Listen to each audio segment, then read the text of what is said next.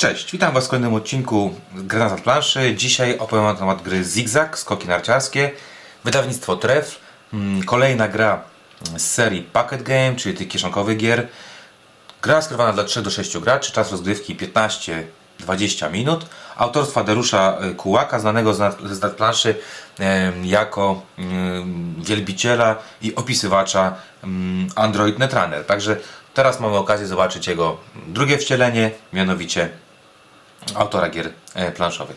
Gra Zigzag, tak jak powiedziałem, skrywana jest dla 3 do 6 graczy i opowiada o tym, że jesteśmy e, skoczkami narciarskimi, co dziwne, e, w tym kraju i będziemy walczyć o to, żeby zdobyć jak najwięcej punktów, czyli oddać jak najdłuższe skoki narciarskie. Co otrzymujemy w grze? W grze otrzymujemy karty. Tych kart jest tutaj 55, z czego mamy 8 kart hop, 8 kart benz, 36 kart lotu i mamy jeszcze takie karty punktacji, które są kartami pomocniczymi ułatwiającymi nam e, podliczanie punktów na koniec.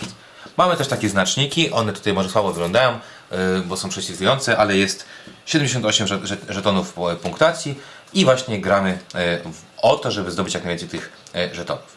Jaka jest, jaki jest cel gry? Cel gry polega na tym, że chcemy oddać jak najdłuższy skok, czyli pomiędzy hop a benz. Hop to jest jakby start i wylecenie z tej bielki, belki mm, e, z narciarskiej, a benz to jest moment, w którym będziemy e, lądować i to mamy karty lotu.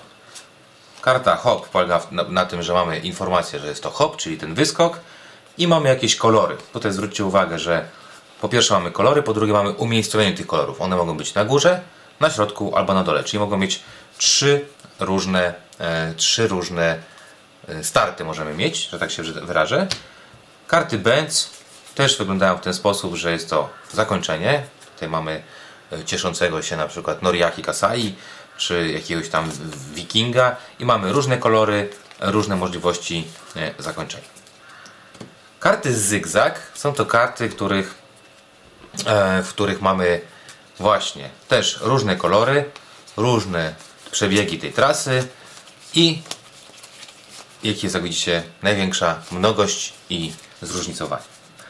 Na czym polega rozgrywka? Rozgrywka polega na tym, że każdy z graczy otrzymuje w sposób losowy, potasu- tasujemy karty, kartę hop i kartę benz. I przed nim leży sobie karta hop i karta benz.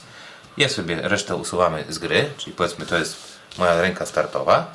Następnie tasujemy karty zygzaka i rozdajemy tyle kart razy 4 ilu jest graczy. Czyli jeżeli jest nas trójka, wybieram 12 kart i wykładam je na stół w ten sposób, tak żeby wszyscy je widzieli. Następnie na 3-4 odkrywają wszyscy swoje karty hop i benz i próbują oddać skok. Co to jest skok? Skok polega na tym, że bierzemy sobie kartę i o może w ten sposób, żebyście to, to, dobrze widzieli i sobie dokładam kartę w ten sposób. Jeżeli karta mi nie pasuje, mogę ją wrócić. Wszystko bardzo ważne, robię tylko jedną ręką, nie używam dwóch rąk. Powiedzmy robię coś takiego, następnie szukam, szukam jakiejś karty, mówię o ta mi się podoba, biorę coś takiego i na przykład szukam czegoś takiego.